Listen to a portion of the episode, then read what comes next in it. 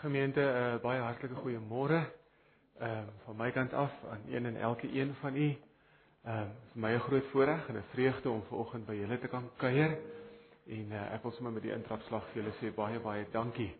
Ehm um, dat julle dit vir my vanoggend moontlik maak om uh, saam julle te kan wees. Ek het gister probeer onthou en toe loer ek so bietjie. Ehm um, ek's nie heeltemal nuut by Antipas nie. Ek was al hier nie in hierdie fasiliteit of in hierdie gebou nie, maar ek was al by die gemeente. En uh, as ek reg gekyk het, was ek in 2010 uh die laaste keer. Ehm um, saam met julle en uh, ek dink op daai stadium was net um, was net Sonja saam. Uh Tanya is nog steeds hier. Ehm um, sy is hier vanoggend, maar in die tussentyd het Sion bygekom en klein krulkop, Simonet sit ook daar agter. Ek het hulle gesê hulle moet stil sit. Ek gaan vir hulle loer. Ehm um, maar julle is sommer baie welkom om na afloop van die erediens ehm um, vir ons kom hallo sê uh, wees gemaklik by ons vanoggend. Ons verstaan ons mag saam julle koffie drink as ons klaar is met alles. En uh, as jy so 'n bietjie meer wil weet um, van ons en wat ons doen, is jy welkom om met ons te kom gesels. Ek is by die Kreeusdorp gemeente nie heeltemal te ver hier van julle nie. Um, in 2004 wat dit 16, 17, 18 jaar reeds daar um, in die gemeente.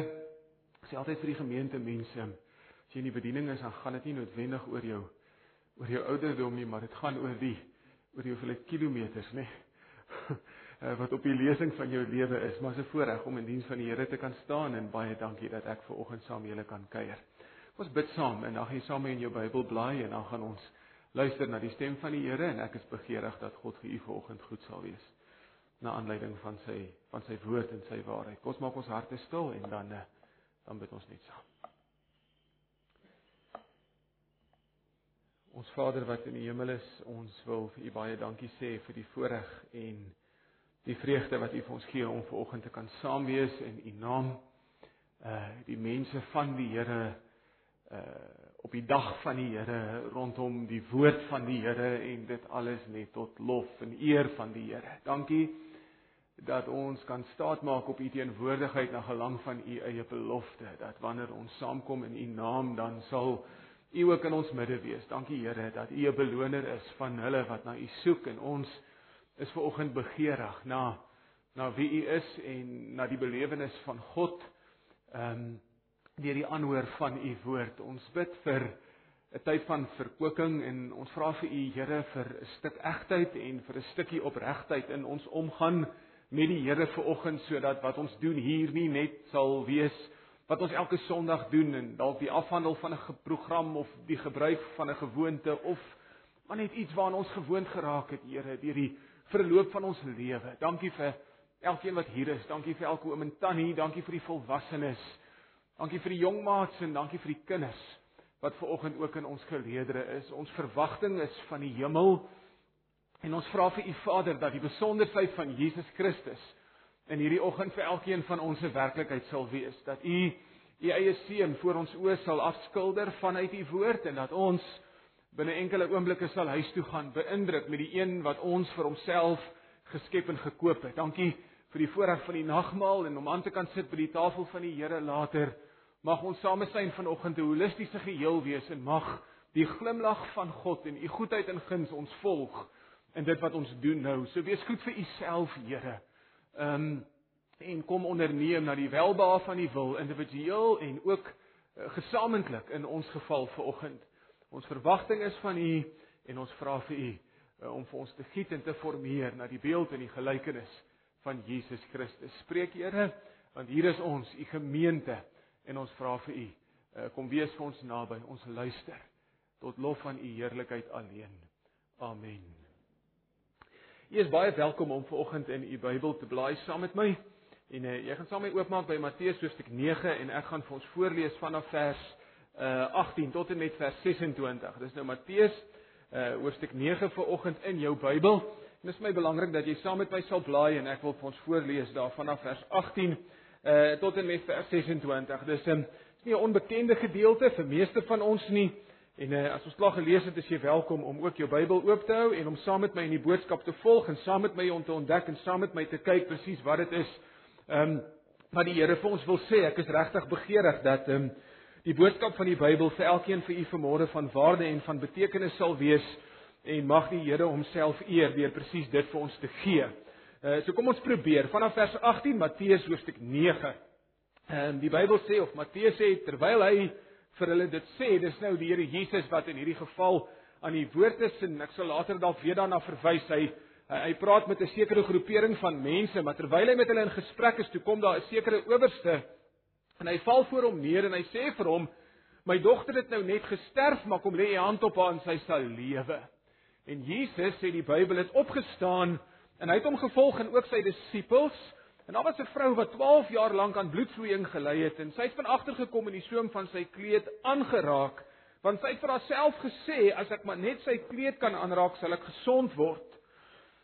En Jesus het omgedraai en hy het haar gesien en hy het vir haar gesê: "Hou goeie moed, dogter, jou geloof het jou gered." En die vrou het gesond geword van daardie uur af.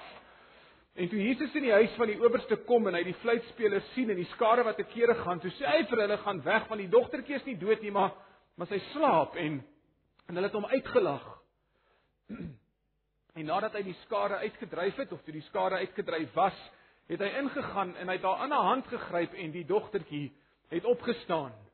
En die gerig hiervan eh, het of die gerig hiervan het, het deur die hele land versprei.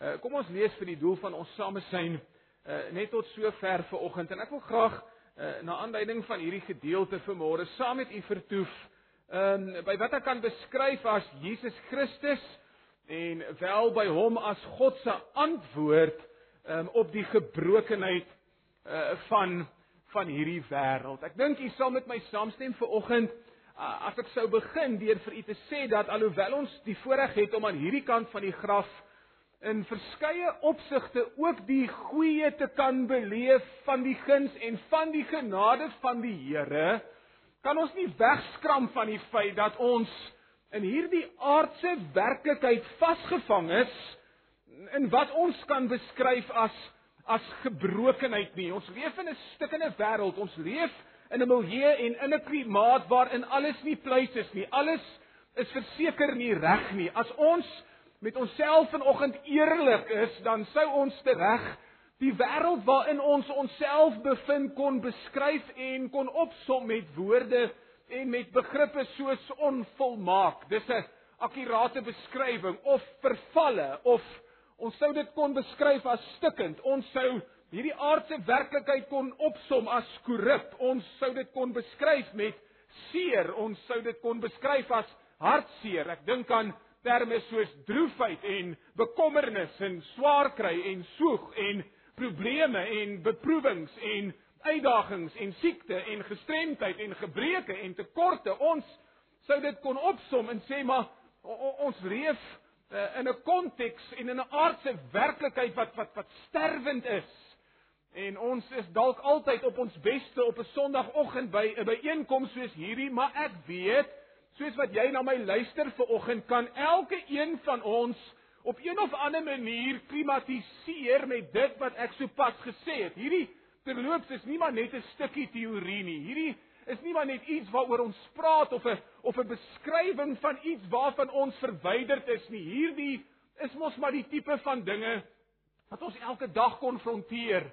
Ehm um, op 'n daaglikse basis is dit die tipe van ervarings wat ons het. Dis tipe lewennisse wat ons ontmoet um, op 'n op 'n gereelde basis, op 'n op 'n daaglikse basis en uiteindelik klimaks hierdie gebrokenheid waarin ons leef in die dood.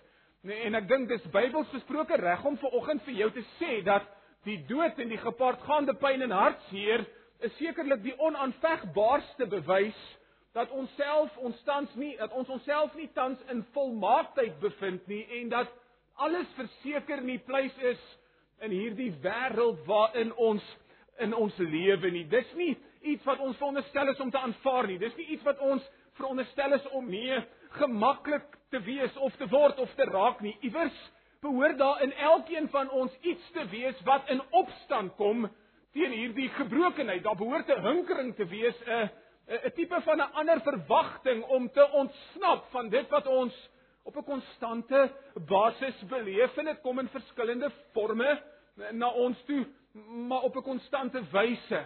Nou ons hoef nie hierop in te gaan nie, maar ons weet as kinders van die Here dat dit waaroor ek sopas nou met jou praat, dat dit alles 'n resultaat is van wat die Bybel die sondeval noem. Ons verstaan dit, ons het Bybelse perspektief. Ons leef eintlik in 'n aardse wêreld wat gebuk gaan onder die onguns van die Here. God het 'n vloek uitgespreek. Hy het sy ontevredenheid uitgespreek na ons rebelsheid en na ons opstand teen hom eens gerealiseer het en soos ek gesê het, ons beleef ook sy goedheid en ons beleef ook sy guns, maar die punt is, ons leef in 'n stuk onvolmaaktheid. En dit bring 'n mens by die vraag in jou eie hart, is daar vir ons enigsins hoop? Jy sien as ons nie versigtig is nie en as 'n mens nie jou eie hart bewaar nie, dan kan die gebrokenheid van die wêreld mens maklik op 'n punt bring waar jy geen sin meer sien en waarde sien en betekenis sien aan hierdie aardse bestaan en aan hierdie aardse lewe nie. Soms eh, beland ons op 'n plek waar ons vra doodgewoon meer is as ons antwoorde en dan selfs in terme van ons kristendom vra ons stilweg baie keer in ons harte of dit die moeite werd is en of dit steeds die moeite werd is om te glo. En dis nie iets wat jy hier sal bely nie. Dis nie iets wat jy openlik eerlik mee oor is wanneer dit kom eh, by 'n uitgewese gehoor soos hierdie nie. Ek praat of verwys na wat baie keer in jou hart gebeur. Daar in die stilte van jou jou eie self. En dis wat hierdie stukkende wêreld aan ons kan doen as ons nie versigtig is nie, as ons nie oppas nie en die vraag is dit God vir ons raad. Is daar 'n ander perspektief? Is daar 'n beter perspektief as net hierdie aardse een? Is net hierdie tydelike een wat so konstant op ons inwerk?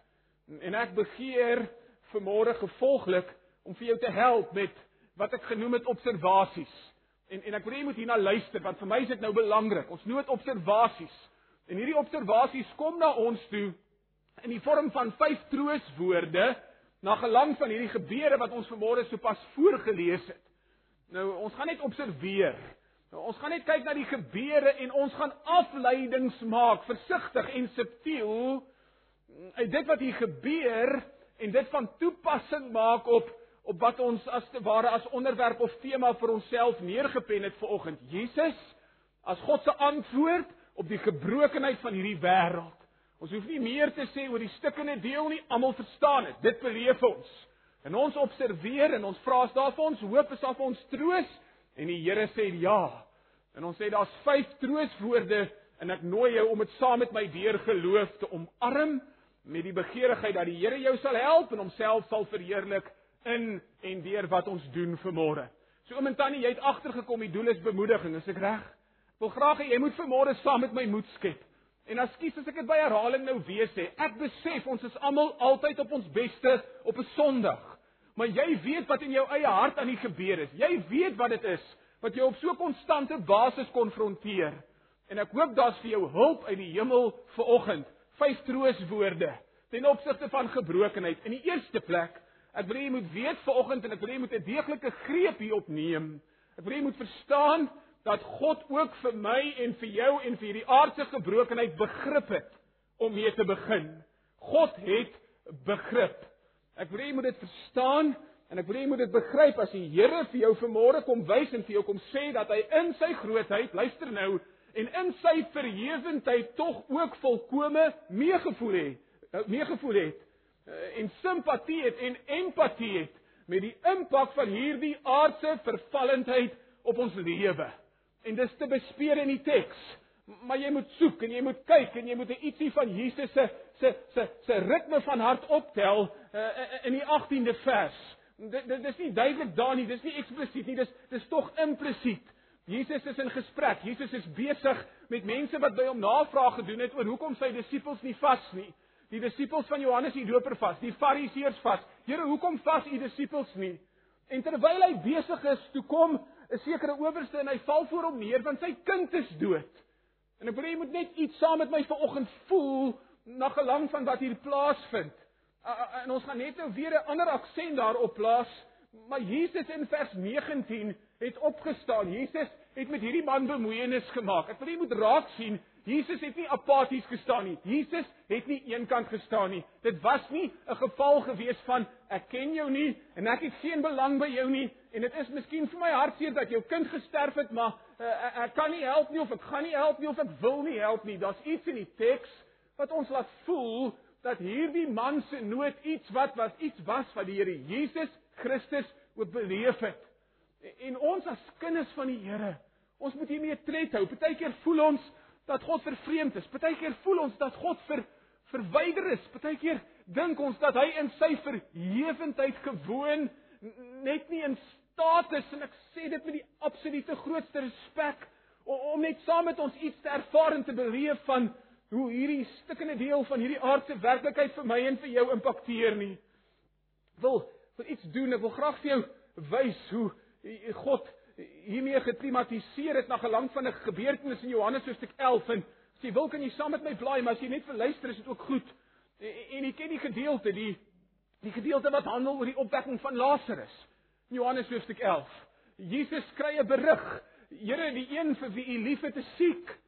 En agter daai berig is 'n intensie, agter daai berig is 'n begeerigheid. Here, ons sê nie net vir u hierdie iets nie, ons sê dit met die bedoeling dat u ons moet kom help. Dis nie enige iemand wat siek is nie, Here. Dis Lazarus. Iemand vir wie u liefhet, Here, het 'n behoefte en het 'n nood. En die verwagting is dat Jesus dit gaan aanspreek, maar die gedeelte sê dat toe Jesus dit hoor, het hy vir 'n geruime tyd vertoef in die plek waar hy was. Hy hy hy, hy doelbewuslik gekies om om nie te gaan nie. En uiteindelik toe sê hy vir sy disippels, kom ons gaan Judea toe. En die disippels sê, Here, maar u kan nie gaan nie. Die Jode het probeer om u dood te maak onlangs. As ons soontoe gaan, ehm um, gaan dit vir ons 'n negatiewe uitkoms hê. En Jesus sê toe vir hulle, maar ons moet gaan want ons vriend Lazarus slaap en ek gaan hom om wakker te maak. En die disippels sê, Here, maar as hy slaap, dan is dit nie nodig om te gaan nie. As hy slaap, sal hy wakker word. En as hy siek is wel, dan sal die slaap vir hom goed wees en dan sal hy beter word. Maar in vers 14 toe sê Jesus ronduit, prontuit vir hulle, Lazarus is dood. En hy sê vir hulle in vers 15, ek is bly om julle ontwil dat ek nie daar was nie sodat julle kan glo. Nou merk op gemeente, hierdie is belangrik. Hierdie is belangrik. Jesus weet wat hy in Betanië gaan doen. Jesus het geen onsekerheid in sy eie hart en opsigte van sy missie nie. Hy weet wat hy daar gaan doen. Hy sê ek is bly ek was nie daar nie. Daar gaan iets plaasvind wat julle geloof en my gaan vestig en versterk. Jesus weet Hy gaan om hierdie man uit die dood uit op te wek. Daar's geen illusie nie. En as hy uiteindelik arriveer, dan kom Martha na hom toe en hy sê sê vir hom: "Here, as u gekom het, sou my sou my broer nie gesterf het nie." Dit is asof sy half amper Jesus net vir 'n oomblik kwaadlik neem. Toe u die berig kry, moes u nie gebly het nie, u moes gekom het. En dis interessant die die die opbou van momentum nou in hierdie gedeelte. As Jesus mos vra sê ek sien opstanding in die lewe en in my glo sal leef, al het hy ook gesterf en elkeen wat in my glo sal nooit sterf tot in ewigheid nie. Glo jy dit? En sy sê Here, ek weet, ja, hy hy sal mos nou opstaan en sy belydenis erken dit en hy vra vir haar, "Wys my waar jy hom neergelê?" En dan kom Maria na Jesus toe met dieselfde as te ware verwyd met respek gesê, "Here, um, sy val aan sy voete neer as hy hier was sou my broer nie gesterf het nie." En en en hier's wat ek wil hê jy moet raak sien in vers 33, toe Jesus al sien ween en die Jode wat saamgekom het ook sien ween. Luister, het hy geweldig bewoog geword en in sy gees was hy ontstel. Nou, die die die oorspronklike teks daar dra die gedagte, die werkwoord wat gebruik word daar verwys eintlik na die gerinnik van 'n perd in 'n oorlogssituasie. Hier's iets wat gebeur in die hart van ons Here. Hier's iets wat hom ongelukkig maak. Hier's iets wat Christus Jesus ontstel. En, en wat is dit? Die teks sê Jesus in vers 35 het geween. En ons is so gretig partykeer om die afleiding te maak en te sê Jesus huil want Lazarus is dood, maar hoekom sal hy huil? Oor die dood van Lazarus as hy baie duidelik te kenne gegee dat hy gaan om hierdie man uit die dood uit op te wek. Dat daar's geen rede vir geen rede vir trane in terme van die afsterwe van van van Lazarus as jy die een is wat die lewe aan hom gaan teruggee nie. Jy sien partykeer lees ons in in steede van uit. Let op die verwysing in vers 33. Vers 35 sê Jesus het geween. Hoekom? Net op vers 33 toe Jesus haar sien ween. En toe hy die Jode saam met haar sien ween, het hy bewoog geword, ontstel en Jesus het gehuil. God is in trane. Wat het God tot trane beweeg? Weet jy wat? Die impak van hierdie gebroke aardse werklikheid op sy mense. Jesus sien wat die dood van Lazarus aan Maria doen. En hy staan nie eenkant nie. Hy staan nie apaties nie. Hy staan nie onaangetas asof dit hom in geen opsig aangryp nie. Hy kyk na hierdie vrou en hy kyk na die impak van haar broer se dood op haar en hy kyk na die Jode en hy sien hoe dit hulle raak en is nie met hom reg nie. Dis nie met hom reg nie. Jesus is ontstel. Jesus is ons op vrede. Jesus is ongelukkig. Jesus is emosioneel. En die trane van God loop van wie wat? Van wie die impak van aardse gebrokenheid op sy mense. Hier's die punt. Hier's die punt. As jy oom en tannie vanoggend op 'n plek in jou lewe is waar jy sê God is te ver verwyder van my aardse werklikheid om enigsins te verstaan hoe die stukkende deel van hierdie wêreld my lewe raak, hier's jou antwoord. Hier's jou antwoord. Dis nie 'n stuk teologie nie. Dis dis in die geskiedenis geïllustreer.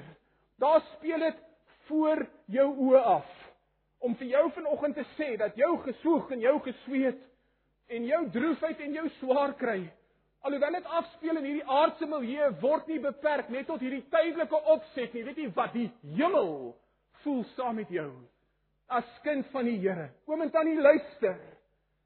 God beleef saam. God voel saam. Die skepper van hemel en aarde identifiseer met ons seer en met die impak van gebrokenheid op sy mense in die hier en in die nou. En ten spyte van die feit dat ons onder die oordeel van onvolmaaktheid vasgevang is vir nou, van wie ons eie toedoen is die meegevoel van die Here ons deel. Kan ek kan ek dit sê, die opregte meegevoel van die Here? Jy weet ons praat hier nou van die buurman of die buurvrou of die kollega by die werk of die kennis wat wanneer jy regtig sukkel en swaar kry en stoei en sien dit uh, net amper 'n nuttelose hand op jou skouer kom sit en vir jou sê weet jy wat moenie worry nie alles sal regkom asof hy weet asof sy weet asof hulle die toekoms kan bepaal asof hulle regtig kan beleef wat hier in die diepste dele van jou wese leef en dan net 'n tikkie op die skouer gee en sê is okay alles sal regkom en wegstap en nooit weer belangstel nie. Dis nie hierdie tipe van neergevoel nie. God in die eerste plek het begrip. In die tweede plek God beloof volmaakte herstel. En vergewe my net vir 'n oomblik. Ons beweeg buite die teks, maar nie heeltemal nie, maar ons beweeg nie buite die Bybel nie. Terwyl hierdie trooswoord van God se begrip as ons dit ons eie maak vir ons waardering bring en ons koester dit, wonder ek of jou hart nie saam met my hunker na permanente bevryding van hierdie las van hierdie wêreldse gebrokenheid nie. Jy weet reg vra mense baie keer met desperaatheid en mense vra in alle eerlikheid gaan hierdie wêreld ooit anders wees?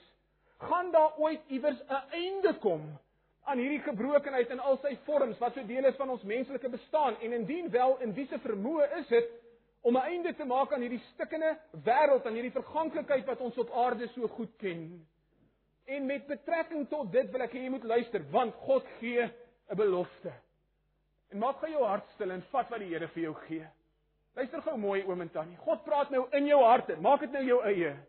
Hier is sy belofte. Ek het 'n nuwe hemel en ek het 'n nuwe aarde gesien. Want die eerste hemel en die eerste aarde het verbygegaan en die see was daar nie meer nie.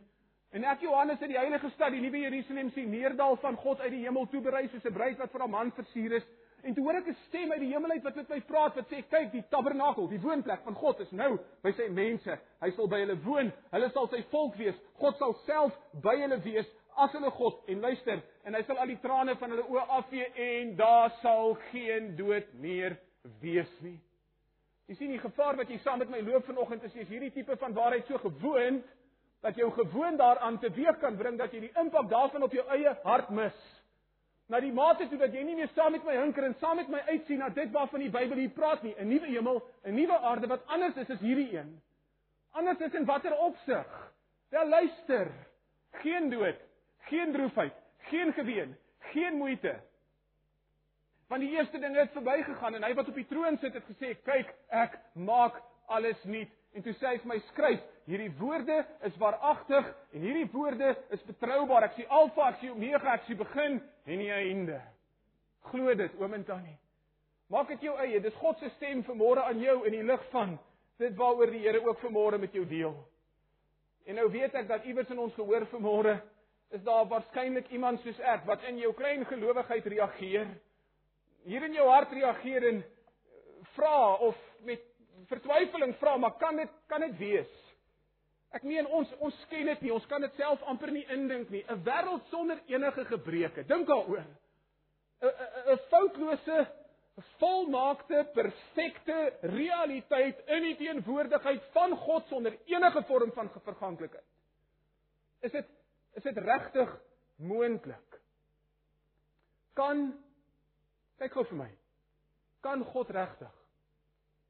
Nee, kom kerk antwoord. Kan God, kan God regtig? Ek meen hy beloof dit mos net. Maar kan hy regtig?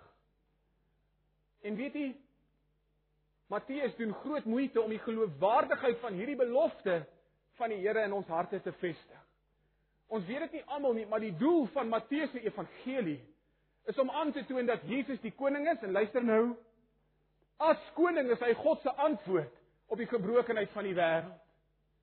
Maak gou 'n nota en dan gaan ondersoek jy wat ek nou sê. Die hele samestelling van sy evangelie, die manier hoe hy die inhoud verwerk en groepeer, dui daarop. Jesus word aan jou voorgehou as iemand met die herkoms van 'n koning in hoofstuk 1 vers 1 tot 17.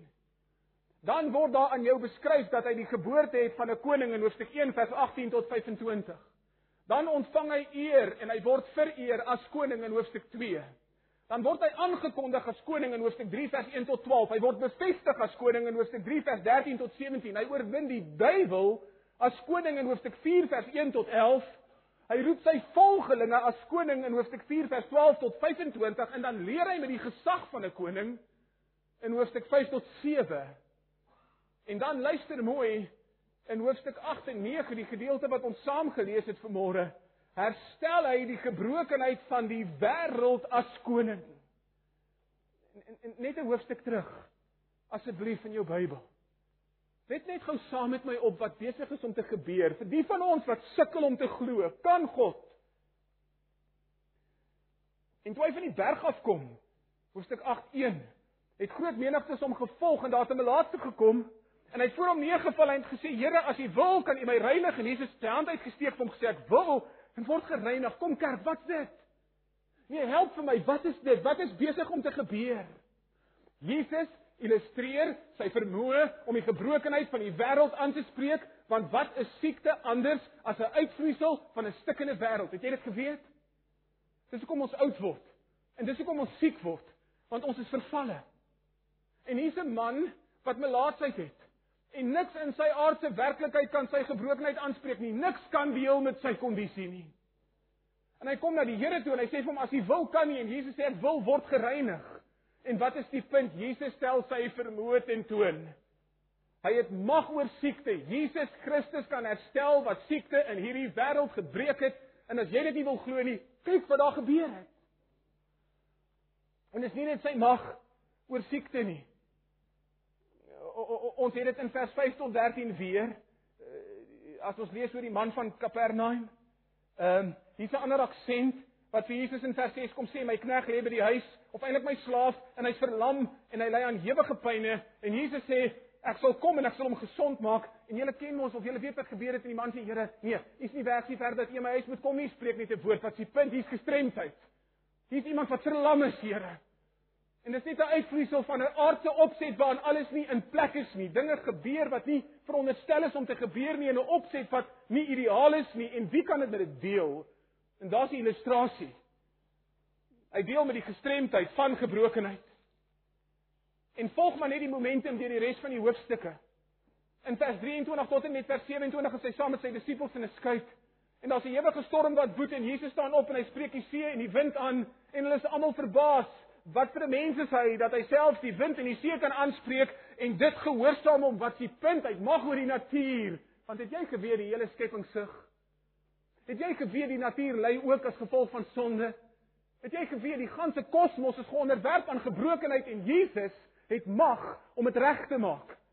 Hy het mag om dit te herstel. Net hierna in vers 28 tot 34, die besetene van Gadara wat uit die grafte uitkom en, en die demone wat uitroep, "Wat het ons met u te doen? Jesus seun van God, gaan u ons nou voor die tyd pynig?" Ag, en weet jy wat? Eintlik 'n stuk ironie as die Satan na Christus toe kom en eintlik smeek en sê, "Weet jy wat? gee ons net 'n geleentheid om in die varke in te vaar. Eeg, as hulle hulle is hulle is begeerig na na die teenwoordigheid van varke. En en en en om daar hulle self te kan laat geld, het hulle die toestemming nodig van die een onder wie se gesag en autoriteit hulle staan. En Jesus spreek 'n woord wat is die punt uit mag oor boosheid. En dan in vers 1 van hoofstuk 9, hierdie verlamde man wat na Jesus toe gebring word, jou sonde is jou vergewe, staan op en loop. En nou behoort iemand in, in hierdie gehoor dit te raak te sien. Iemand moet dit iewers nou begin waardeer. Jesus. Ja, hy mag oor siekte. Hy kan heel maak wat siekte gebreek het. Hy kan heel maak wat gestremdheid gebreek het. Hy kan heel maak wat die natuur gebreek het. Hy kan heel maak wat die bose gebreek het. Hy kan heel maak wat sonde gebreek het. Staan op. Jou sonde is jou vergewe. En weet jy wat in vers 18 tot en met vers 26 die verhaal van hierdie owerste En die kind wat sterf is in jou Bybel om vir jou te wys, hy het mag oor die dood. Weet jy wat hy kan? Hy kan heel maak wat die dood in hierdie in hierdie wêreld gebreek het. Kom ek kom ek sê dit vir jou so. Lees hierdie wonders teen die agtergrond van God se belofte in Openbaring 21 en dan besef jy wat gebeur in in hoofstuk 8 en 9 is doodgewone voorsmaakie van wat van die nuwe hemel en dis 'n voorsmaakie van die van die van die nuwe aarde. Dis daar. Dis in Jesus se bediening om vir jou te wys om te toon te stel wie hy is en en hoe bekwame hy is om om te deel met hierdie aardse gebrokenheid. OK, so kom ons gryp. Kom ons gryp. God verstaan. En weet jy wat God sal heel maak? Maar terwyl ons bly is daaroor is ons nog nie daar nie. Ons is nog hier aan hierdie kant van die graf. Die nuwe hemel en die nuwe aarde het nog nie gebeur nie. Ons is aan die kant van die vergelyking.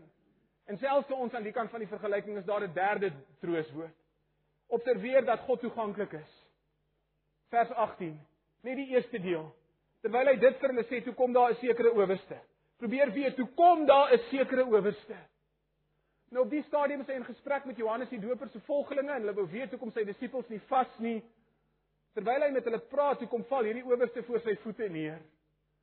Nou daar's vir jou niks besonders nie en En ek ek wil nie iets hier in die gedeelte inlees wat dit nie bedoel is om te sê nie. Maar kan ons ten minste net vir mekaar sê dat dat Jesus toeganklik was vir hierdie man. Kan ons vanoggend met versigtigheid sê hy het nie nodig gehad om via een of ander ingewikkelde struktuur na Jesus te kom nie. Daar was nie 'n gekompliseerde stelsel of 'n uitmergelende proses wat hy moes volg nie. Dit was altyd so mense kom by Jesus uitkom. Jy sien dit in sy hele bediening as jy die evangelies bestudeer. Waar vind jy hom? Hy's altyd tussen die mense. Hy's in hulle dorp, hy's op hulle strate, hy's in hulle huise, hy's in hulle sinagoges, hy's hy's hy's in hulle tempel. Hy's daar vir die menigtes, die skare volg hom. Hy's daar vir die individu.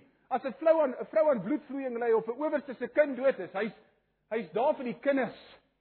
Moet hulle nie verander nie. Laat hulle na my toe kom en sulkes behoort die koninkryk van van God. Is dit is dit reg om volgens vir jou te sê oom en tannie niks het verander nie? Nee. Kan ons net weer luister? Niks het verander nie. Filippense 4 vers 6. Die Here is naby. Wees oor niks besorg nie, maar laat julle begeertes in alles deur gebed met danksegging en met smekinge bekend word by God van die vrede van God as julle daarop reageer. Die vrede van God sal wat alle verstand te bowe gaan, sal julle harte en julle sinne bewaar. Laat ons met vrymoedigheid gaan na die troon van genade om op die regte tyd eh, gehelp te word. Kom ons kom ons dink, kom ons dink. Ons sing dit, ons sing dit so gereeld. Wat 'n vriend het ons in Jesus en is hy wat aan ons plek kom staan en wat 'n voorreg het ons om gedurig deur tot God se troon deur hom te gaan en hoe verbeur ons die vrede en hoe dikwels lei ons smart. Hoekom? Net omdat ons nie ons nood gaan uitstort in God se Vaderhart. Mag ek mag ek met vrymoedigheid en met nederigheid vanoggend net vir 'n oomblik met jou praat en vir jou vra en vir jou uitdaag, verstaan jy dit? Besef jy dat God vir jou toeganklik is? Die die Skepper van hemel en aarde se teenwoordigheid is tot jou beskikking. En jy hoef nie deur een of ander ingewikkelde stelsel te werk om uiteindelik 'n beer te kry in sy hart of op sy oor nie op grond van Jesus se lewe en dood is die teenwoordigheid van die Here 'n konstante genade gegeewe vir elke Christen. Dis belangrik om dit te weet as jy in 'n stukkende wêreld soos hierdie in leef, is dit nie? God is toeganklik. Nommer 4, hy's nie net toeganklik nie, hy is hy's beskikbaar. ek ek ken u nie persoonlik nie. Ek ek ek weet glad nie wat in jou lewe gebeur en môre gaan gebeur en oor 'n week gaan realiseer nie. Ek het nie 'n idee waarmee jy deel nie. Ek weet nie waar's jy nie in jou hart nie. Ek weet nie. Maar die Here is vir jou daar. En het jy geweet hy's ook vir jou beskikbaar. Jy sê Willem, hoekom plaas jy die aksent ook hier? Weet jy hoekom? Want dit is noodsaaklik want dit sou nie help as ons toegang tot die Here het maar hy's nie beskikbaar vir ons nood nie. Dit dit dit dit help nie jy verkry toegang tot iemand se teenwoordigheid, maar daai iemand is nie beskikbaar om jou te help nie. En let op wat gebeur in ons teks. Vers 18 die eerste gedeelte. Daar's 'n owerste wat voor hom kom neerval. Matteus noem hom 'n owerste. Markus sê hy's 'n owerste van die sinagoge. Lukas gebruik 'n woord wat te kenne gee hierdie ou is die hoof van die Joodse sinagoge wat deur ouderlinge bestuur was en hy's die hoof. Hy kom uit 'n bedeling wat geheel en al gekant was teen Jesus se bediening. Hierdie ou kom uit 'n milieu uit wat Jesus nie erken nie, wat Jesus verwerp, wat Jesus uiteindelik sal kruisig. En wat doen hy? 18b. Hy hy val voor hom neer. Hy verwys hy ver, bewys aan Jesus die uiterste vorm van verootmoediging. Deur voor hom neer te val, waarskynlik sy voete te soen, die kleed van sy uh, die soem van sy kleed te soen of om die grond voor hom te soen. Hierdie man kom en hy verheerlik eintlik iemand wat in sy kultuur 'n ketter was. Dis verbuisterend, dis verbasend. Kom doen hy dit? Hoekom doen hy dit? Wil jy probeer? Sê vir my, hoekom doen hy dit? Weet jy hoekom? Want die klimaks van hierdie aardse gebrokenheid het in sy lewe gerealiseer, die dood het in sy huis ingekom en daar's niks in hom of in sy stelsel wat kan deel met dit wat hom konfronteer nie. Wat maak jy met die dood? Wie help met die dood? En dis sy krisis. Niks wat tot sy beskikking is kan hom help nie. Nie sy posisie nie, nie sy geld nie, nie sy herkoms nie, nie sy godsdiens nie, nie sy judaïsme nie, nie sy verbondsverbintenis aan Abraham nie, niks. Maar om een of ander rede weet hy Jesus kan. Vers 18c kom lê u hand op haar en sy sal lewe. Wat 'n belydenis van geloof is dit nie? Here kom help my. Niks en niemand kan help nie, maar maar u kan help. So hoekom kom hy? Want hy het nood en hy het geloof. O, dit, dit dit hoef nie baie te wees nie. Dit hoef net opreg te wees. Hy het behoefte, hy's behoeftig, hy het nood en hy het geloof in. Kyk gou na vers 19. Lees gou. Die eerste paar woorde. Lees. Jesus het opgestaan. Gemeente, help my. Jesus het opgestaan. Is dit beskikbaarheid? Ah, dis dis goedkoop, nê, om dit te lees in Pretoria op 'n oggend soos hierdie. Waar ons na 'n sekere opsig seker gemaklik is en liggaamlik gesond is en welaf is in in in baie opsigte, maar ek sê jou een ding, een ding. Ek het self kinders en as as as dit met jou gebeur en en jy gaan na die meester toe en jy sê vir hom, Here, my kind is dood, help my. Daai woorde, hy het nie bly sit nie, hy het opgestaan. Jy sien, hy's beskikbaar. Hy gaan my help. Ek gaan nie by hom hoor ek kan nie nou nie. Ek ek gaan nie by hom hoor, ek wil jou bitter graag help, maar my my dagboek op hierdie oomblik is 'n bietjie vol. Ek kan eers 'n bietjie later by jou uitkom nie. Dis nie wat hier gebeur nie. In vers 20 tot 22 bevestig dieselfde waarheid. Hier's 'n vrou.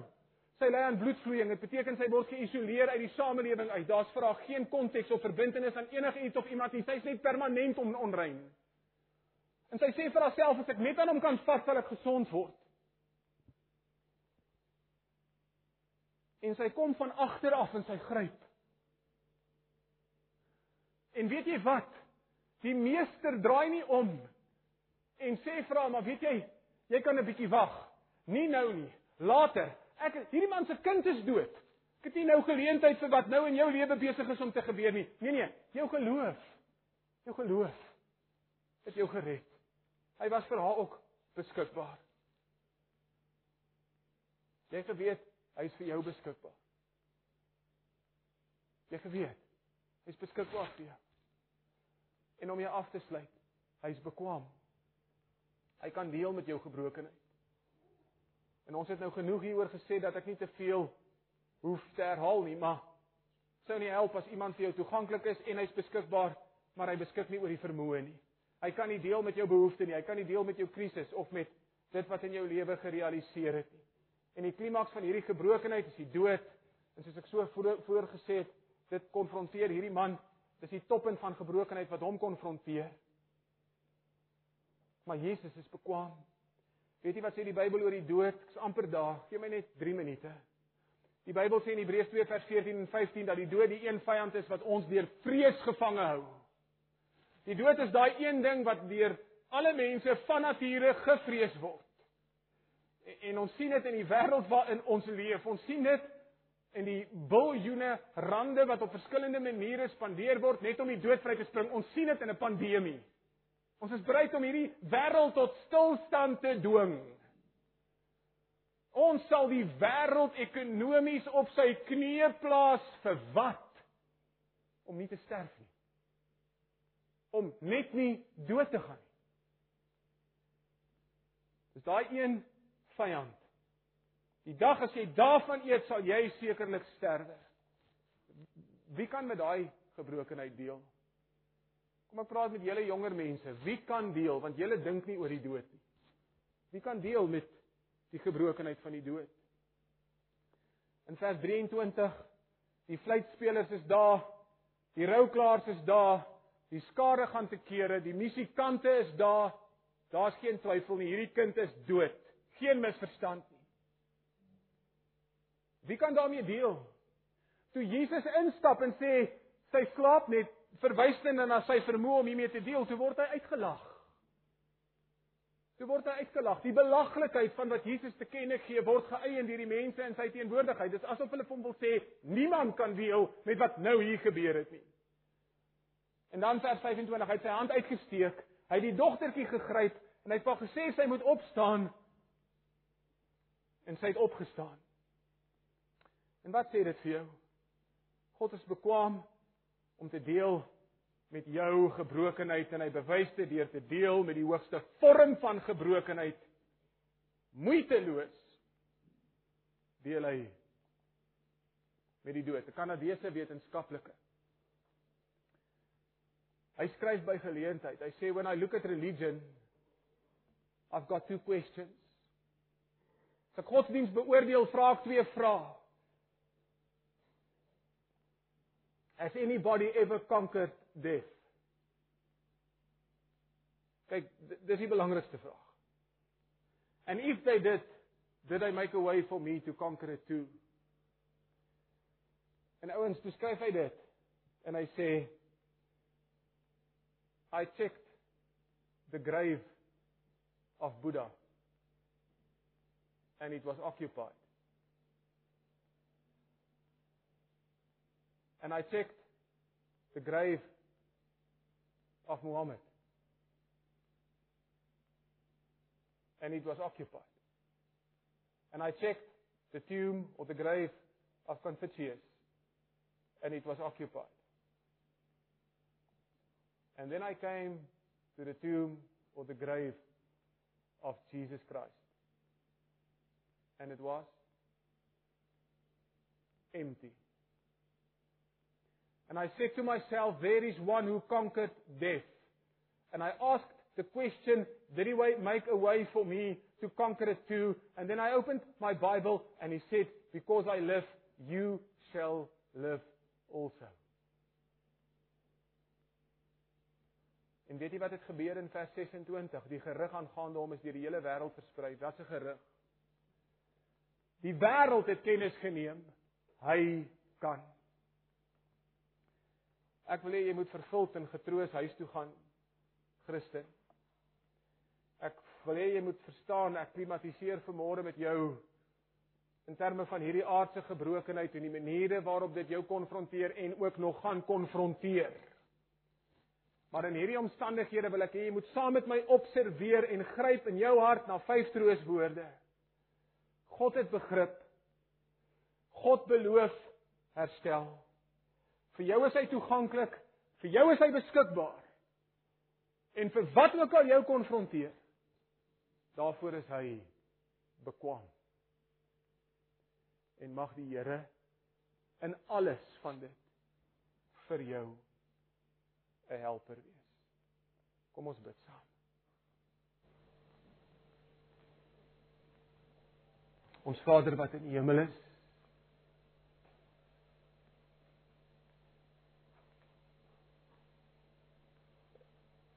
U sal nie verkeerd verstaan as ek ver oggend vir u sê dat die uitkoms van u woord en die waarheid is nie in my hande nie, Here. Die die die impak van die Bybel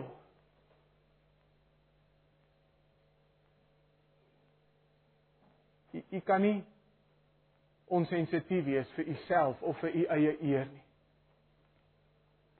U kan nie ver oggend u woord uitstuur en dit nie vergesel met die krag en die impak en die inspirasie van u gees met die krag van God om te transformeer en om te verander. Here mag informasie lei tot transformasie. Mag die waarheid lei tot gelykvormigheid aan Jesus Christus ons Here. Hier's 'n groep mense voor my. En hulle leef almal in 'n stikkende wêreld. Dankie dat u begrip het. Dankie vir die vooruitsig van 'n nuwe hemel en aarde. Maar dankie dat terwyl ons wag, weet ons dat u vir ons toeganklik is. Dat u altyd beskikbaar is. En dat u bekwam is. So in die lig van wie u is, sien ons kans vir 'n wêreld soos hierdie want ons kyk nie vorentoe nie. Ons kyk net op. Na die een waar ons hulp vandaan kom. Sien ons met 'n bewustheid van u waarheid in die diepste dele van ons wese. Dit sal goed wees vir u as u dit doen tot lof van u heerlikheid. Amen. Gemeente, ons gaan vanmôre ook aansit by die tafel van die Here. En ek gaan ver oggend um, vir u vra om saam met my in die lig van die nagmaal te lees, maar twee gedeeltes vanmôre van my kant af. En ehm um, die eerste gedeelte uit 1 Korintiërs hoofstuk 11 wat 'n bekende gedeelte is. as Paulus aan die kerk in Korinthe getuig. Ek het van die Here ontvang wat ek aan julle oorgelewer het en dis dat Jesus in die nag waarin hy verraai is, brood geneem het. En nadat hy gedank het, het hy dit gebreek en toe sê hy: "Neem, eet, dis my liggaam wat vir julle gebreek word, doen dit tot my gedagtenis." Hy het ook die beker na die ete geneem met die woorde: "Hierdie beker is die Nuwe Testament in my bloed, doen dit So dikwels as julle daaruit drink tot my gedagtenis, want so dikwels as julle die brood eet en die beker drink, dan verkondig julle die dood van die Here totdat hy kom. Goed, kom ons verstaan dat God in die nagmaal vir ons iets tasbaar gee waarin en waardeur hy ons help om te onthou wie hy is en wat hy gedoen het. So hierdie is 'n se herinneringsmaal aan 'n persoon en aan 'n gebeurtenis. Doen dit tot my gedagtenis. As jy die brood eet of uit die beker drink So wat ons wil doen vir oggend is, ons wil nie vergeet nie. Ons kom sit aan by die monument van die kruis. By die bastion van Golgotha. En ons steek ons hand uit as ons die brood neem en ons sê dankie Here dat U vir my gelewe het. Ons steek ons hand uit na die kelkie en ons sê dankie Here dat U vir my gesterf het. En ek weet dat op grond van 'n lewe wat ek nie geleef het nie en op grond van 'n dood wat ek nie gesterf het nie, daarop berus my saligheid. My my my ganse aanneemlikheid voor God in die hemel berus op wie Jesus is en op wat hy vir my gedoen het. Sy prestasies, sy verdienste, dit wat hy vir my verwerf het. Mag ek met u eerlik wees?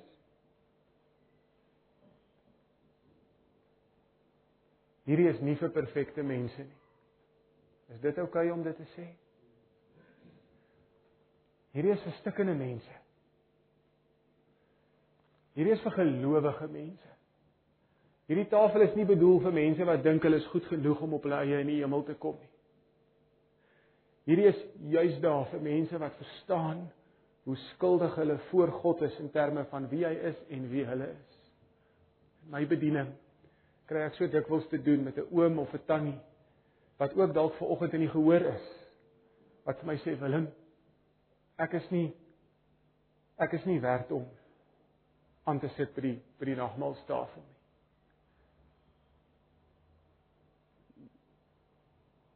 Jy jy gaan dit nooit werd wees nie.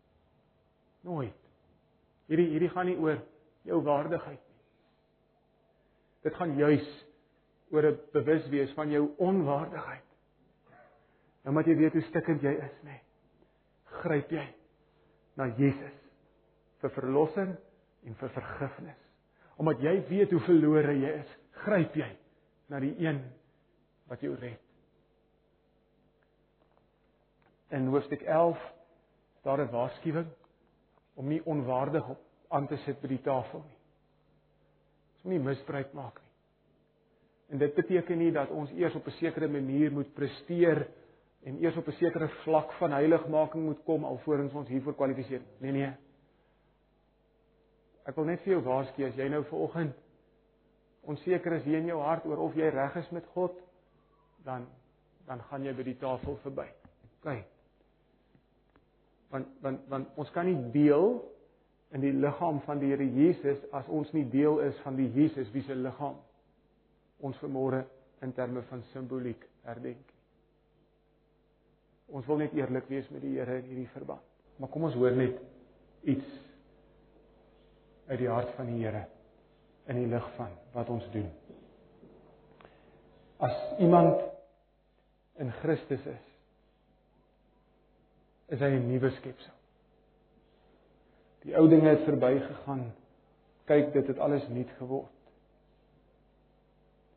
En dit alles is uit God. Wat ons met homself versoen het deur Jesus Christus. En hoe het God dit gedoen? Vers 21. Hy het hom wat geen sonde geken het nie sonde vir ons gemaak.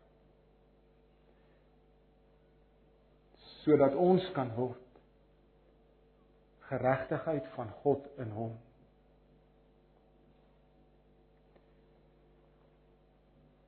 Jesus word wie ek is sodat ek kan word wie hy is. Toe Jesus saam met sy disippels aan tafel was, het hy die brood geneem en toe breek hy dit. En toe deel hy dit uit aan sy disippels en toe sê hy: "Dis my liggaam wat vir julle gebreek word. Neem eet tot my gedagtenis." En toe vat hy die beker en hy sê vir sy disippels dat dit sy bloed is die beker van die nuwe verbond wat vir hulle gestort sal word. En nou doen jy iets saam met my vanoggend. So dikwels as jy van die brood eet of van die beker drink, verkondig jy die dood van die Here totdat hy kom. Gemeente mag die wêreld weet nie net op grond van die prediking nie maar op grond van die nagmaal dat God sy seun gegee het om stikkende mense soos ek en jy heel te maak aanvaarbaar en aanneemlik voor hom in sy teenwoordigheid. Kom ons bid saam. Ons Vader wat in die hemel is. Dankie vir Jesus Christus.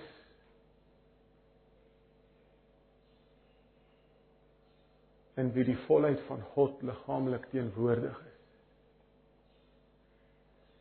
Dankie dat U gee wat U vra. U verskaf wat U aan of van ons eis. Die die geregtigheid waarmee U tevrede is. Alvorens enige iemand by U verwelkom kan word. Daai geregtigheid gee U en bewerk U. Nie nie in my nie, maar maar maar buite my in die persoon van U geliefde seun Jesus Christus die Here. En op grond van sy verdienste en ons geloofsverbintenis aan hom is daar in ons 'n nuwe werk begin, 'n goeie werk. Waarin U ons transformeer na U beeld en na U gelykenis, sodat U alles en in almal kan wees en die heerlikheid van God in sy mense ook die nuwe hemel en die nuwe aarde sal vul. Ons wil nie vergeet nie, vandag onthou ons. En nie net onthou ons nie, maar ons verkondig ook en ons vertel dat God die gebrokenheid van hierdie aardse wêreld aanspreek in en deur die volmaaktheid van sy seun. Dankie vir goeie nuus. Die nuus van die kruis. Seën hierdie gemeente met die gebruik van die nagmaal. Ons sê vir u in eenvoud dat ons u waardeer. En dat ons u eer vir die voorreg en die gawe van verlossing. Amen. Gemeente, baie dankie vir die voorreg om saam met u te kon wees ver oggend. Ehm um, kom ons sluit af in gebed. Mag die Here vir u seën en ehm um, ek groet u met die woorde van 1 Timoteus hoofstuk 1 vanaf vers 15 tot en met vers 17. Kom ons bid net saam. Hemelse Vader, dankie dat ek vanoggend die vreugde en voorreg kon beleef van die teenwoordigheid van u mense, van u gemeente, hulle wat u vir u self afgesonder het en saamgevoeg het vir u eie goddelike doel en eer. Dankie vir hierdie gemeente en dankie dat U ook hierdie gemeente deur U genade in stand hou. Dankie vir elkeen wat deel is van hierdie gemeente. En ek wil ver oggend vir U vra om ook in besonder vir hulle behulpsaam te wees ten opsigte van die beroep van 'n leraar en 'n herder om om te sien na die kudde van die Here, want so het U dit gewil en so het U dit ook bepaal. Mag U vir hulle groot wysheid gee en baie insig en Here 'n groot stuk bekwaamheid onder leiding van u Gees om ook gestalte te gee aan u model vir die plaaslike gemeente. Mag elkeen van hierdie mense u verheerlik deurdat u ook vir hulle neem na volwassenheid in Jesus Christus deur die bediening van u woord en die bediening van mekaar. Dis 'n betroubare woord en werd om ten volle aangeneem te word. Dat Christus Jesus in die wêreld gekom het om sondaars te red van wie ek die vernaamste is. Aan die koning van die eeue, die onverderflike, onsigbare en alleen wyse God kom toe die eer en die heerlikheid. En so is dit van gister af en vandag en môre en tot in alle ewigheid. Amen.